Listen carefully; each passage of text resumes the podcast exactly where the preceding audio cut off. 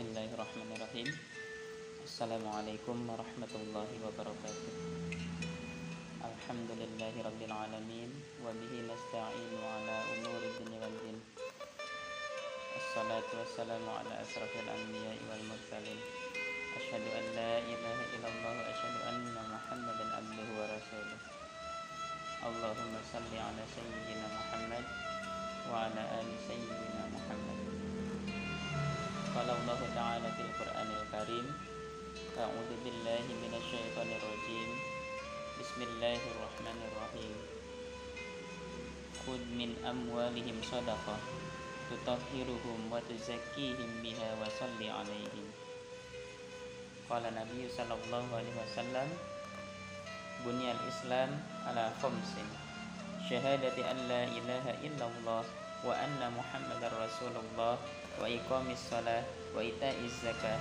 wa hajjil bait wa saumi ramadan. Sadaqallahul adzim amma ba'du. Pertama-tama marilah kita panjatkan puji dan syukur kita kepada Allah SWT karena dengan nikmatnya lah kita masih diberikan kenikmatan kenikmatan sehat dan iman. Salawat serta salam semoga senantiasa terlimpah dan tercurahkan kepada junjungan kita yakni Nabi Allah Muhammad Sallallahu Alaihi Wasallam pada para keluarganya, para sahabatnya, dan kita selaku umatnya yang mudah-mudahan mendapatkan syafaatnya di yaumil. Amin amin ya rabbal alamin. Sahabat-sahabatku yang sama-sama mengharapkan ridha Allah SWT di dalam pertemuan ini insya Allah saya akan membahas tentang hukum dan hikmah zakat sahabat-sahabatku yang sama-sama mengharapkan ridha Allah SWT bertakwalah kalian kepada Allah dengan sebenar-benarnya takwa.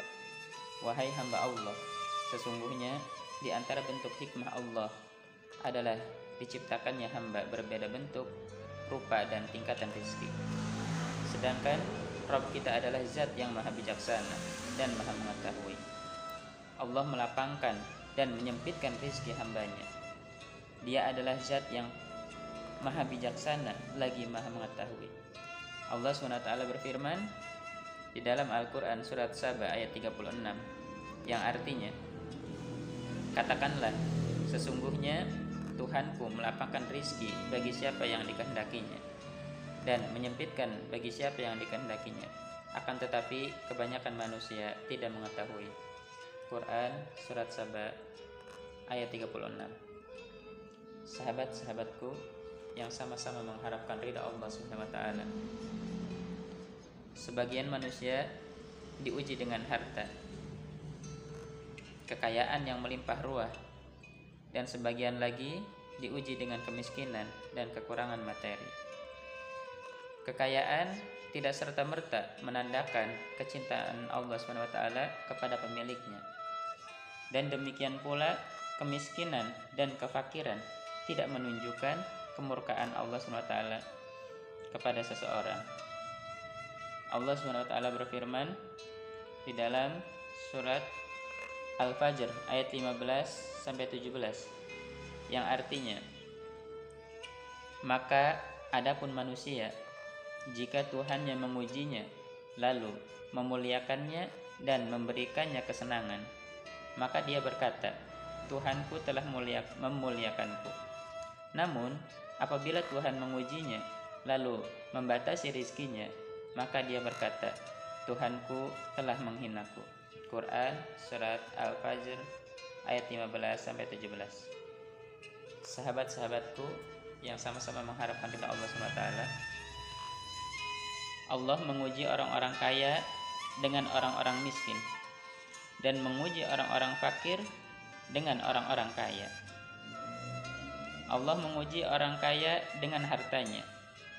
Apakah ia mau bersyukur terhadap nikmat Allah dan bersedia melaksanakan hak-hak Allah atau tidak? Dan Allah menguji orang-orang miskin dengan kefakirannya. Sehingga Allah mengetahui apakah ia termasuk dari orang-orang yang sabar dan ridho atau menjadi orang-orang yang marah dan tidak rela dengan ketentuan Allah. cinta terhadap harta benda telah menjadi sunatullah yang tertanam dalam fitrah manusia.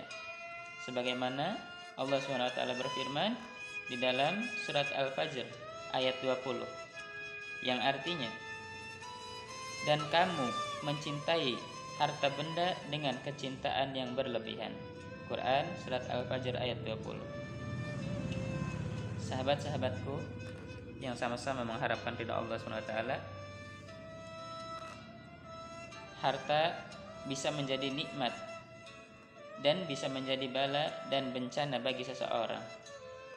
Menjadi nikmat jika seseorang memperolehnya dengan cara yang benar dan membelanjakannya dengan cara yang benar pula. Ia menyadari hak Allah SWT dalam harta itu. Maka ia pun memenuhi hak tersebut dengan sempurna. Sebaliknya, harta menjadi bencana tatkala ia menjadi sebab kekufuran, keburukan, kesombongan, dan merasa bangga dengan dirinya sendiri.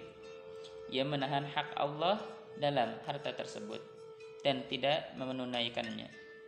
Allah SWT berfirman di dalam surat At-Taubah ayat 55 yang artinya maka janganlah harta benda dan anak-anak mereka membuatmu kagum. Sesungguhnya maksud Allah dengan itu adalah untuk menyiksa mereka dalam kehidupan dunia dan kelak akan mati dalam keadaan kafir. Quran Surat At-Taubah ayat 55 Sahabat-sahabatku yang sama-sama mengharapkan ridha Allah SWT Di ayat lain Allah SWT mengisahkan orang-orang yang tertipu oleh kemilau harta Harta benda Allah SWT berfirman di dalam surat Al-Qasas ayat 78 yang artinya Korun berkata, sesungguhnya aku hanya diberi harta itu karena ilmu yang ada padaku. Quran surat Al-Qasas ayat 78. Sahabat-sahabatku yang sama-sama mengharapkan ridha Allah SWT. Allah SWT telah menetapkan di dalam harta orang kaya hak untuk saudaranya yang miskin. Bahkan ia menjadi salah satu rukun Islam yang kelima. Rasulullah Shallallahu Alaihi Wasallam bersabda, "Bunyal Islam ala khamsin, syahadati an la ilaha illallah wa anna Muhammadar Rasulullah wa iqamis salah wa itaiz zakah wa hajjil bait wa saumi Ramadan." Islam dibangun di atas lima perkara. Yang pertama, bersaksi bahwa tiada Tuhan selain Allah dan Nabi Muhammad adalah utusan Allah. Yang kedua, menegakkan sholat. Yang ketiga, menunaikan zakat. Yang keempat, pergi haji. Dan yang kelima, puasa di bulan Ramadan. Hadis Bukhari dan Muslim.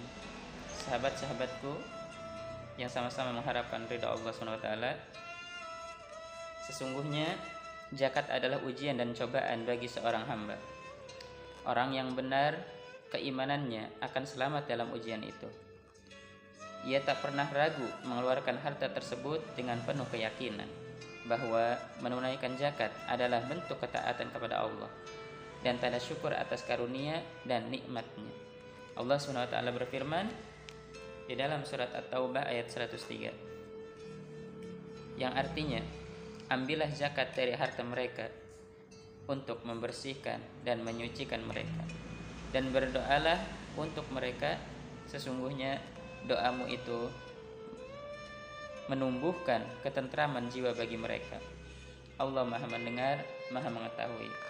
Quran surat At-Taubah ayat 103 Sahabat-sahabatku yang sama-sama mengharapkan ridha Allah SWT Ayat ini menyebutkan bahwa salah satu fungsi zakat adalah menyucikan hati orang yang menunaikannya dari penyakit kikir, menjadikannya mulia dan dermawan, serta membersihkan harta dari kotoran-kotoran dan najis, memperkuat imannya. Orang yang menunaikannya berarti telah menang dan mampu mengalahkan godaan nafsu, subhat-subhat jiwa, serta was-was dari setan Jadi, di samping sebagai bentuk ketaatan kepada Allah, ia juga berfungsi sebagai hinaan kepada musuh Allah taala. Allah taala berfirman dalam surat Al-Baqarah ayat 268 yang artinya setan menjanjikan atau menakut-nakuti kamu dengan kemiskinan dan menyuruh kamu berbuat kejahatan. Sedang Allah menjadikan untukmu ampunan daripadanya dan karunia. Dan Allah maha luas karunianya lagi maha pengetahui. Quran Surat Al-Baqarah ayat 268 Sahabat-sahabatku yang sama-sama mengharapkan ridha Allah SWT Nikmat Allah yang telah dia berikan kepadamu adalah harta ini.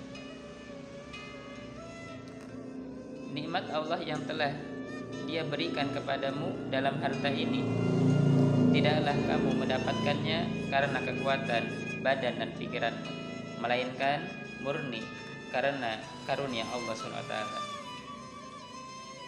karena kemurahannya dan kederman kedermawanannya serta kebaikannya kepadamu kewajiban zakat yang hanya 2,5 persen tidak memiliki arti jika dibandingkan dengan jumlah harta yang kau nikmati. Sahabat-sahabatku yang sama-sama mengharapkan ridha Allah SWT Bersungguh-sungguhlah kalian dalam membayar zakat Telitilah dalam menghitung harta karena sesungguhnya amalan itu tergantung pada niatnya. Hitunglah zakat di dunia sebelum dihitung nanti pada hari kiamat. Allah SWT berfirman di dalam surat Asy-Syu'ara ayat 88 sampai 89 yang artinya yaitu di hari harta dan anak laki-laki tidak berguna kecuali orang-orang yang menghadap Allah dengan hati yang bersih. Quran surat Asy-Syu'ara ayat 88 sampai 89 sahabat-sahabatku yang sama-sama mengharapkan ridha Allah SWT jenis-jenis harta yang wajib dijakati di antaranya yaitu adalah yang pertama dari hasil bumi yang kedua emas dan perak yang ketiga komoditi atau dagang yang keempat dari binatang ternak sahabat-sahabatku yang sama-sama mengharapkan ridha Allah SWT dan dari hikmah dibalik kewajiban zakat yaitu adalah yang pertama membersihkan dan menjauhkan diri dari sifat bakhil, dosa dan kesalahan. Yang kedua, membersihkan harta dan mengembangkannya serta akan mendatangkan keberkahan dari Allah SWT. Rasulullah Shallallahu Alaihi Wasallam bersabda, zakat yang dikeluarkan tidak akan mengurangi harta seseorang, Hadis riwayat Muslim. Yang ketiga,